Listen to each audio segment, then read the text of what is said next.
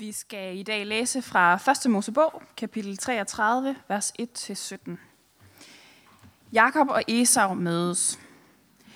Jakob fik øje på Esau, og da han så, at han kom med 400 mand, fordelte han børnene på Lea og Rakel og de to trælkvinder. Han stillede trælkvinderne og deres børn forrest, Lea og hendes børn længere tilbage, og Rakel og Josef bagerst. Selv gik han foran dem, og han kastede sig til jorden syv gange, mens han nærmede sig sin bror. Esau løb ham i møde, omfavnede ham, faldt ham om halsen og kyssede ham, og de græd.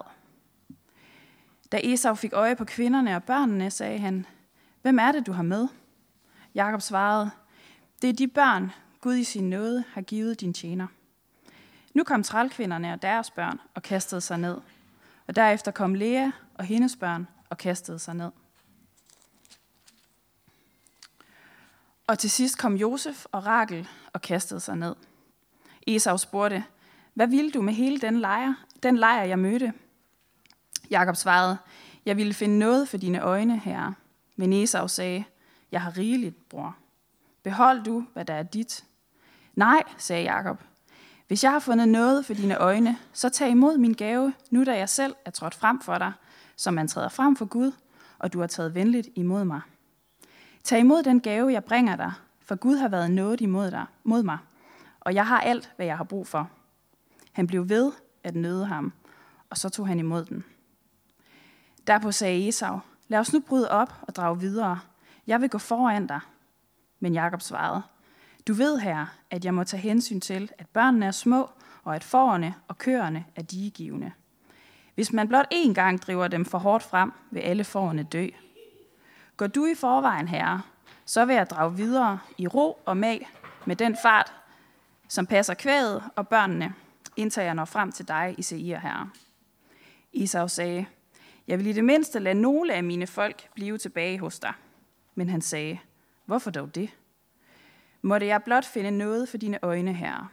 Samme dag begav Esau sig, da på vej tilbage til Seir. Men Jakob brød op og drog til Sukkot. Der byggede han sig et hus og lavede hytter til sit kvæg. Derfor hedder stedet Sukkot.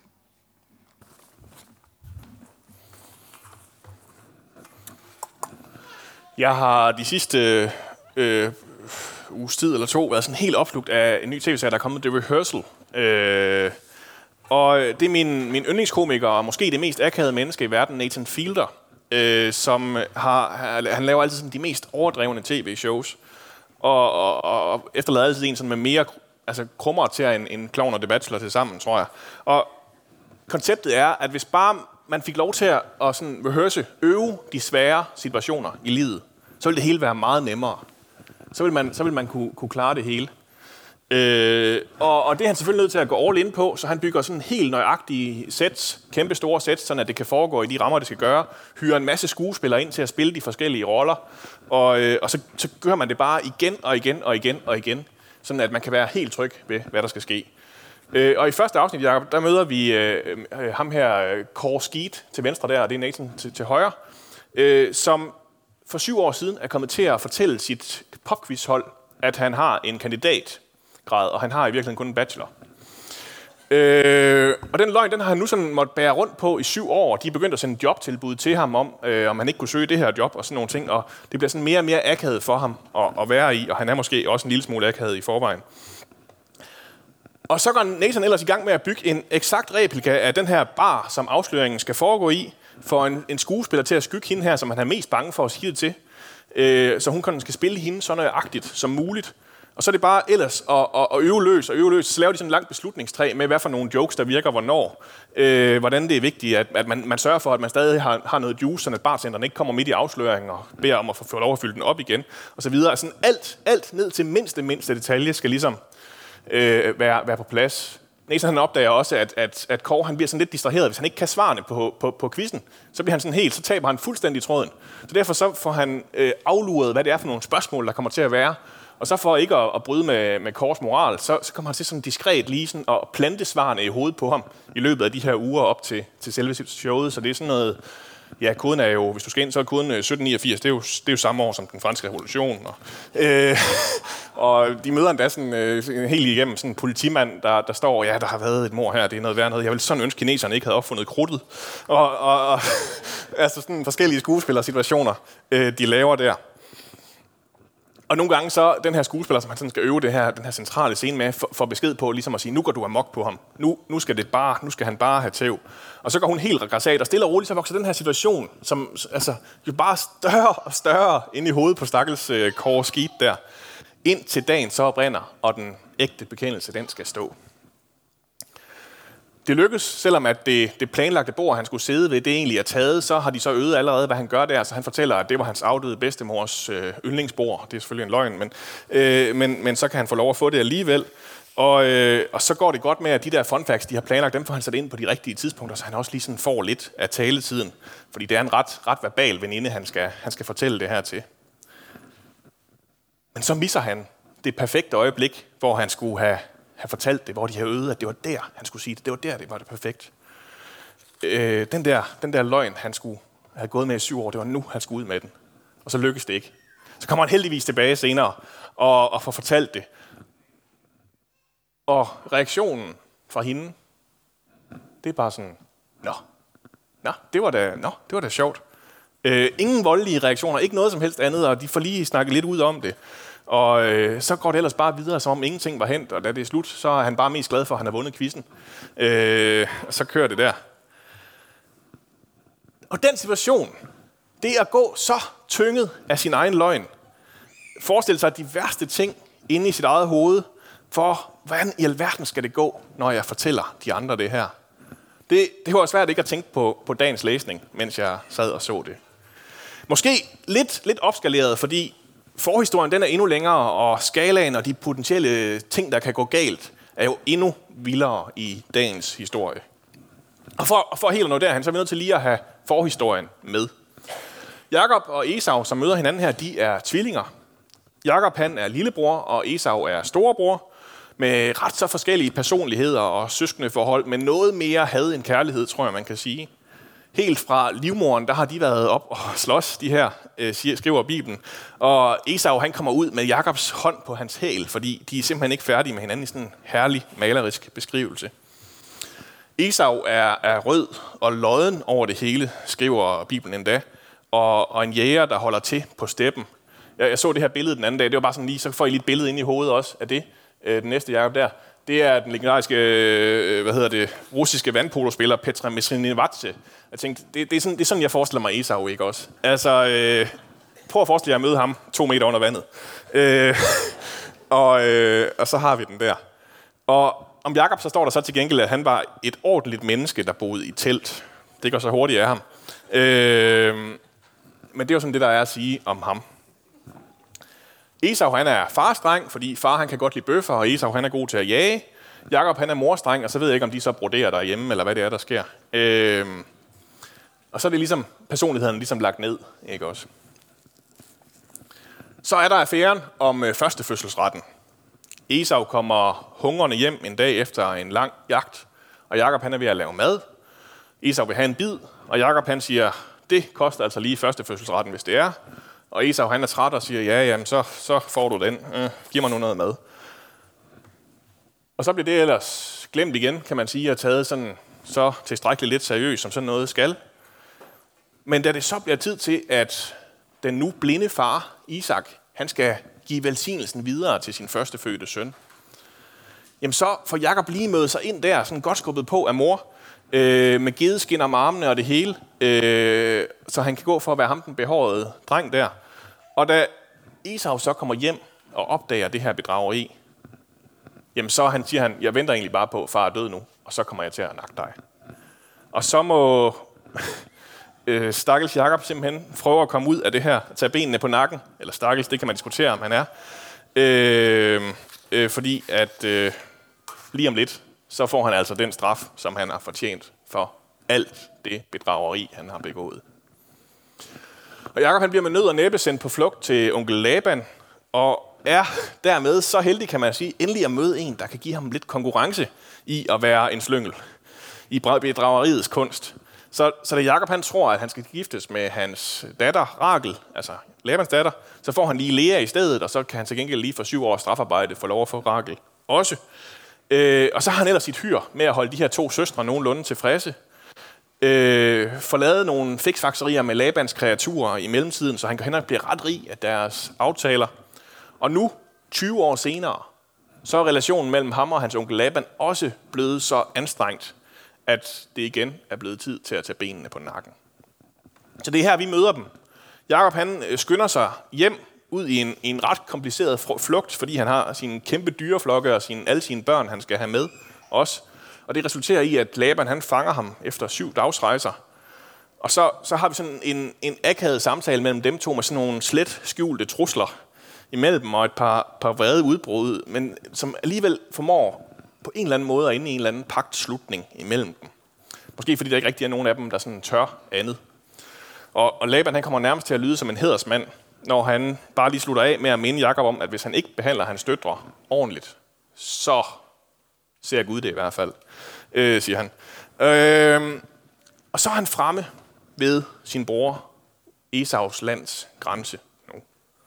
Og nu begynder tvivlen så at ramme for ham, fordi hvad i alverden er det for en beslutning, han har taget? Så han går i gang med at planlægge, hvordan i alverden skal han formidle Esau, så det skal gå godt det her. Så han øh, sender nogle, en masse sendebud ud foran sig, og de får beskeden, nu sender jeg bud for at lade dig det vide her, i håb om at finde noget for dine øjne, altså at han kommer igen. Og de kommer tilbage til ham med en rapport om, at Esau er reddet ud imod ham med 400 mand. Og Jakob han var jo allerede ret så klar på, at det var sådan her, det endte. Nu kommer de her 400 mand, og så slår de ham ihjel. Så han reagerer mest muligt rationelt på den her situation. Han deler lejrene op i to, sådan at der i hvert fald er en chance for, at den ene kan slippe væk, når de bliver fanget af Esau. Og så går han i gang med at bede en bøn til Gud, og det igen, selv Gud vil han gerne øh, lige bondefange, hvis han kunne. Det er en dejlig manipulerende bøn. Den lyder sådan her. Den kommer op her på skærmen. Min fader Abrahams Gud og min fader Isaks Gud, herre du som sagde til mig, vend tilbage til dit land og din slægt. Jeg vil vise dig godhed. Jeg er for ringe til al den godhed og trofasthed, du har vist din tjener. Jeg havde kun min stav, der gik over Jordan her, og nu er jeg blevet til to lejre. Red mig nu fra min bror Esau, for jeg er bange for ham. Han kan komme og slå mig ihjel sammen med mine mød- med mødre og børn. Du har selv sagt, at du vil vise mig godhed og gøre mine efterkommere så talrige som havet sand, der ikke kan tælles. Altså, jeg kan godt høre, han prøver lidt at manipulere med Gud også nu. Nu har han fået det til at lykkes med de fleste mennesker, så er det bare også at prøve med Gud. Nu er jeg blevet til to lejre. Ja, altså, det har du lige delt dem op for, for fem minutter siden. øh, og øh, for lige nævnt de her mødre og børn, fordi det er jo ikke for hans skyld, at Gud han skal redde ham. Øh, det, at, at han, om han bliver slået ihjel, det er selvfølgelig sekundært, men mødrene og børnene af Gud, dem kan du da ikke slå ihjel.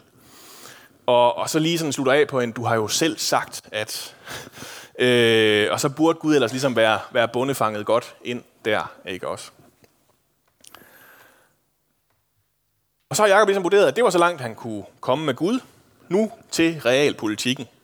Og så starter ellers sådan det helt store gavegiveri, hvor han øh, har en ordentlig portion dyr, øh, han, han giver til Esau, men som han så sender ud i sådan en masse små klatgaver i et forsøg på at familie Esau på vegne af hans ydmyge tjener, Jakob. Så tager teksten lige sådan en ordentlig detur, for ind imellem, så kommer der lige pludselig sådan et, et, et, et møde midt på vej over vadestedet, hvor han kommer til at slås med en ukendt mand, som vi senere finder ud af nok var Gud selv, og øh, får tvunget en velsignelse ud af ham i den her brydekamp, øh, og får til gengæld et slag på hoften, så han halter resten af livet, øh, den gode Jakob. Og så når vi så til den tekst, som Katrine lige har læst. For igen lige sådan stillede konerne og børnene øh, op for, øh, eller bag sig trods alt faktisk den her gang, i, i den rækkefølge, han helst vil miste dem, så sådan øh, yndlingskonerne bagerst.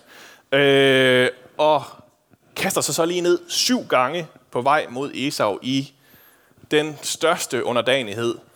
Og så er han faktisk her ellers bare klar til at få skåret halsen over. Og hvad sker der så? Esau løber hen imod ham, falder ham om halsen og kysser ham. alt, hvad der er blevet bygget op til, det bliver totalt afmonteret. Det er, det er nærmest antiklimatisk, ikke også? Nu havde vi lige glædet os til, til the final showdown i den her fortælling.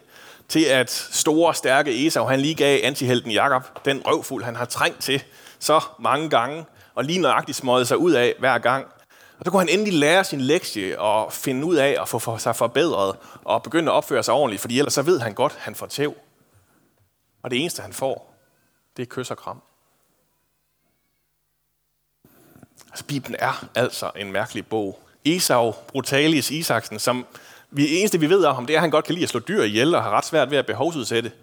Han er bare ren lykke over at se sin manipulerende lillebror igen, som har kørt rundt med hele familien og holdt ham for nar så mange gange. I filmsprog så snakker man nogle gange om, om, om begrebet karmisk død. Altså, når skurken har fået gjort sig selv, gået sig selv så meget ind i en krog, og egentlig sådan er lige ved at have vundet, og alle sådan nogle ting, at han simpelthen bare dør, sådan, uden der er nogen, der overhovedet rører ham agtigt. Sådan helten har rene hænder, og det hele er godt. Det er Disney-skurken, ikke også, der får skatten, og så øh, er han så meget i latterkramper og hoverer over det, at han træder ud over skrænten, uden at opdage det.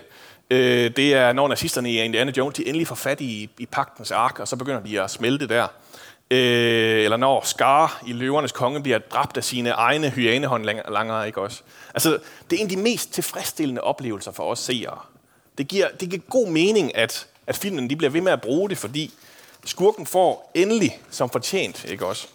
Der er endelig en verden, der giver mening igen, som, som salme 34, vers 21, ikke også?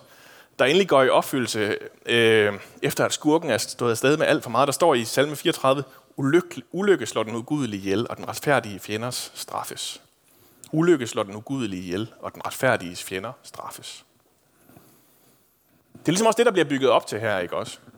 Jakob, som med noget mere held end forstand har fristet skæbnen så mange gange, skaffet sig så mange fjender på halsen, som nu ikke længere har kunne gå andre veje end at vende hjem og blive konfronteret med sin dom. Og så udbliver den. Han får ikke engang lov at give sin offergave, uden at, uden at nøde den hjem, vel? Isak, han kan ikke se, hvad det skal gøre godt for. Han har slet ikke brug for den. Det er så usandsynligt alt det, der sker, at Jacob ikke engang tror på, at det er rigtigt. Så, så jeg er vild med forløbet bagefter, fordi da Esau han vil så vil have ham med hjem og fejre det, så er Jacob sådan, ah, jeg tror lige, jeg fik ondt i ryggen. øh, og børnene og kvædet kan jo slet ikke holde til den lange tur, vel, selvom vi lige har gået i en par uger.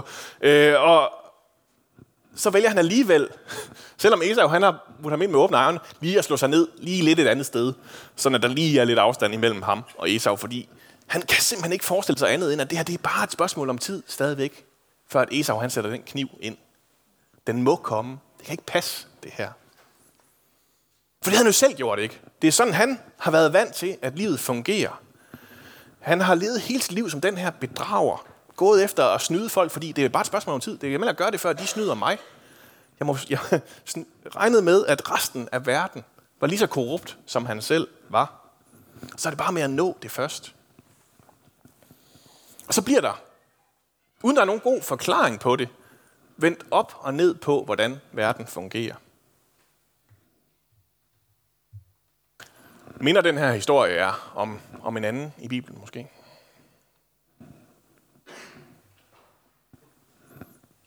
Det kan godt ligne, at Esau han har været lidt inspireret, eller undskyld, Jesus har været lidt inspireret af Esau, da han fortæller lignelsen om den fortabte søn. Om den unge mand, der afkræver sin far arven, rejser ud i verden, lever et vildere liv, end han kan holde til. Det ikke rigtig kan det mere, og er nødt til at tage hjem igen. Klar til at, at og tjekke og kalde sin bror for sin herre og sig selv for en ydmyg tjener, og så stik imod forventning. Så bliver han løbet i møde og kysset og krammet og inviteret lige hjem i varmen til fest. Det er måske den allerstærkeste lignelse, vi har i hele Bibelen. Den har nær, og den har faktisk nærmest fundet sted allerede her.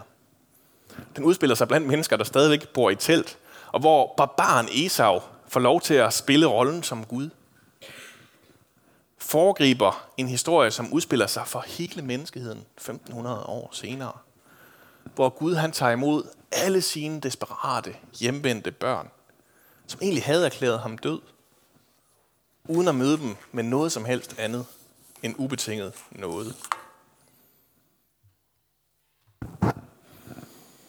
Det er altså sådan spændende, når man taler den her tekst ind i en, en kristen dansk kultur, fordi så kan det være sådan, vi, vi hører den lidt anderledes, at vi hører sådan en pres for, at nu skal vi være Esau, mere end at vi identificerer os med, at det er os, der bliver taget imod som Jakob.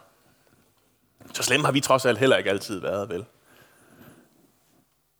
Men altså, så bliver man alligevel med med at blive hjemsøgt af de dummeste små ting, man har gjort. Dengang man slog lillebror, eller det stik, slik, man kom til at stjæle. Eller hvad der nu kan ligge i et langt liv af uopgjorte sønder. Man skulle tro, at, at vi nu sådan havde udviklet os til et stadie, hvor at den slags slavemoral, den var bag os, ikke også?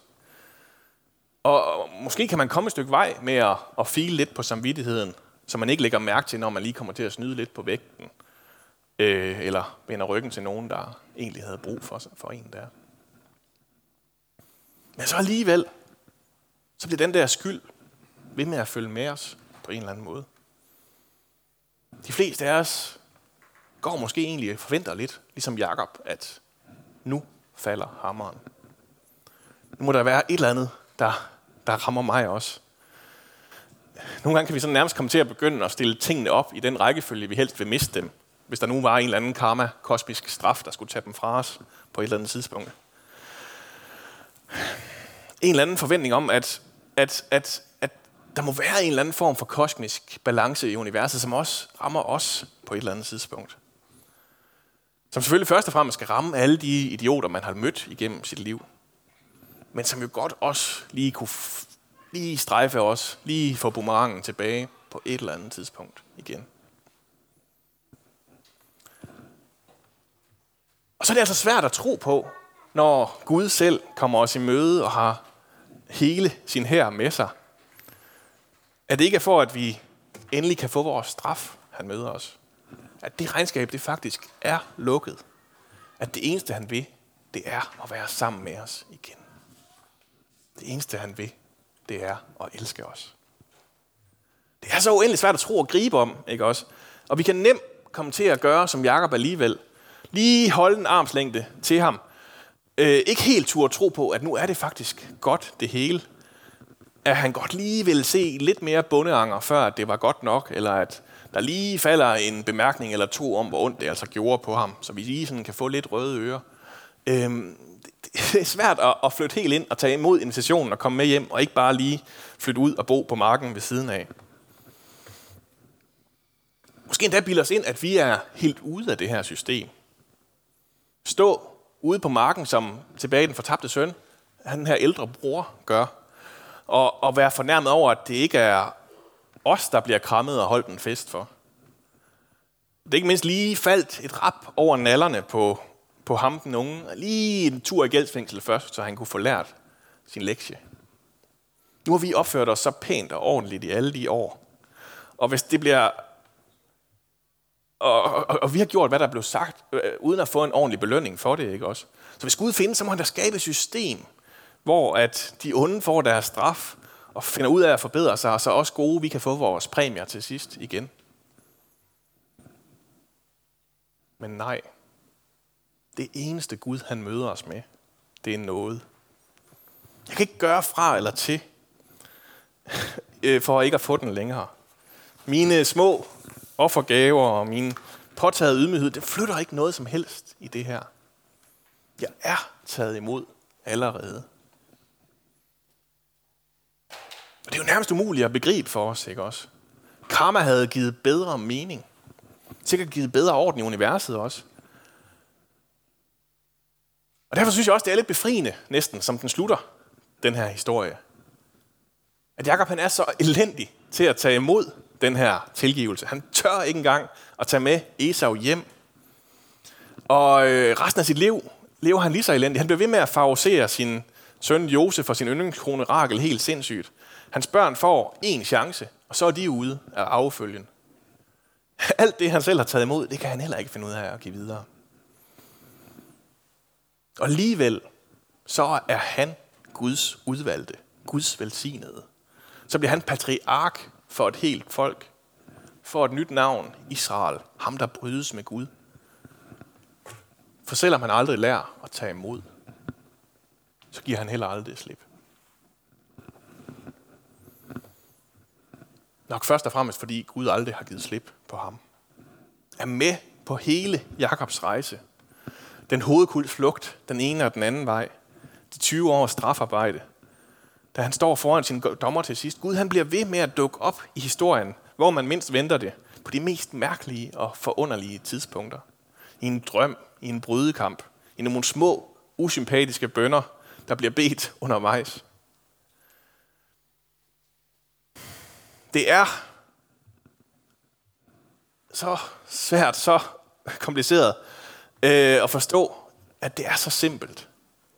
At man ikke kan være for stort et røvhul, for stor en kujon til at modtage den her nåde. At Gud han ikke giver slip. At Gud han møder os igen og igen. At selv Esau, den her brutale fyr, får lov at repræsentere ham. Der, hvor han mindst venter det. Der, hvor vi mindst venter det.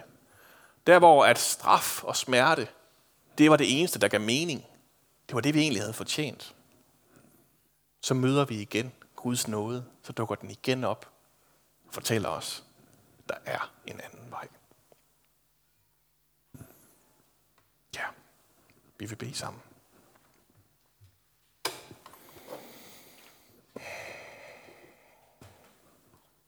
Far, vi øh, forstår ikke, hvordan noget fungerer.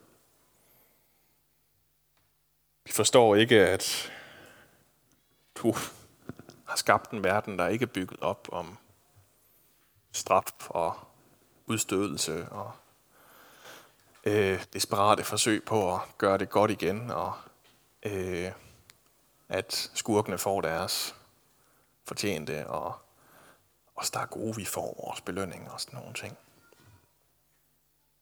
Du har skabt en helt anden orden, hvor alt vi får, det får vi ufortjent fra dig. Og det er svært at tage imod, det er svært at leve i, det er svært at tro på. Derfor så har vi igen og igen brug for, at du giver det til os.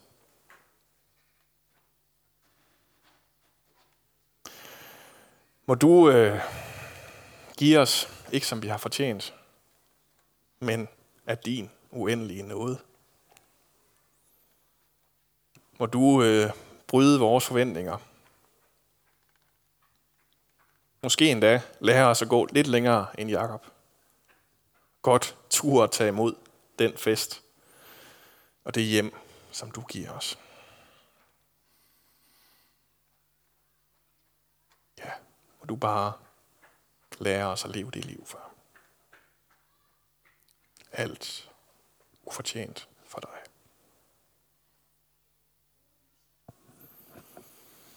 Amen.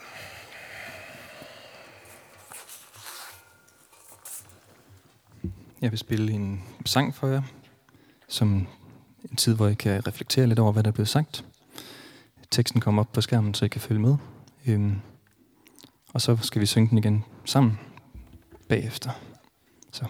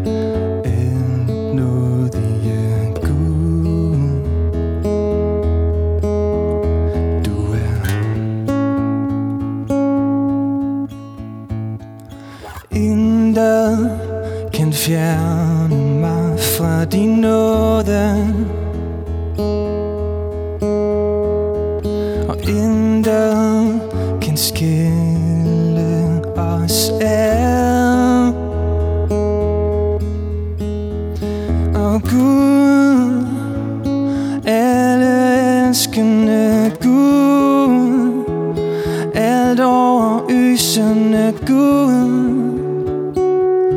Du elsker mig.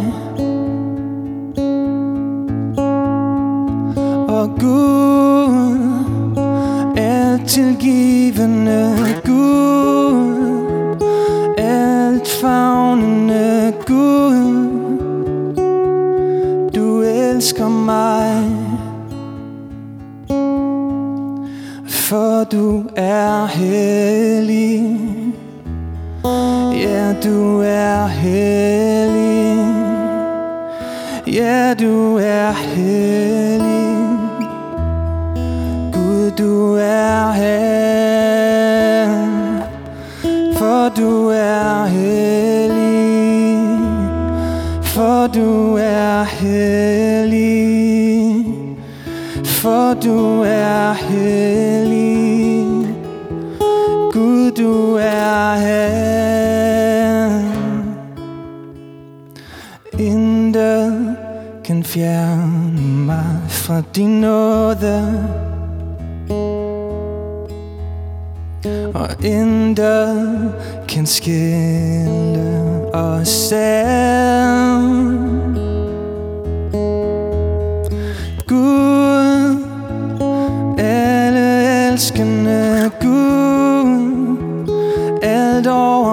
Lysende Gud Du elsker mig.